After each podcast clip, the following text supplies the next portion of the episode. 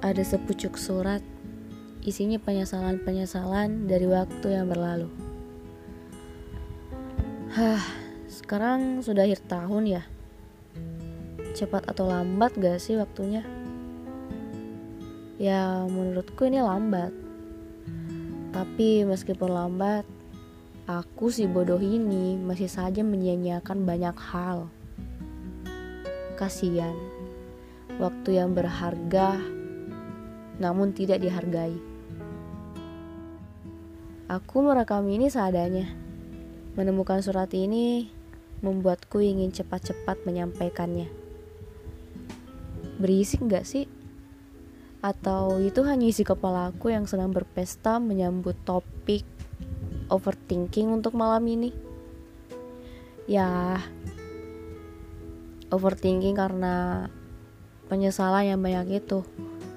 Mungkin kita akan sama menyesali hal-hal yang sia-sia. Seperti andai waktu itu aku lebih rajin. Andai waktu itu aku lebih percaya diri. Atau andai waktu itu aku nggak berabahan melulu.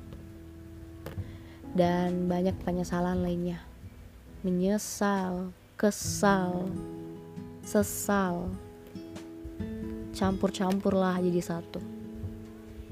Isi surat ini memang gak jelas. Isinya hanya curhat. Kalau aku menyesal menyia-nyiakan waktu yang teramat berharga itu.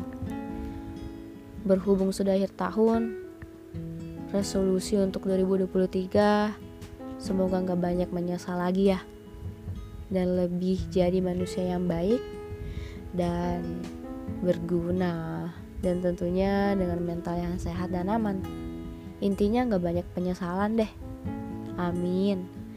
By the way, ini kalau di metode penelitian bakal termasuk pemurusan kata gak sih? Ya karena banyak kata penyesalannya. Ya emang fakta sih. Emang banyak. Banyak sesalnya. thank you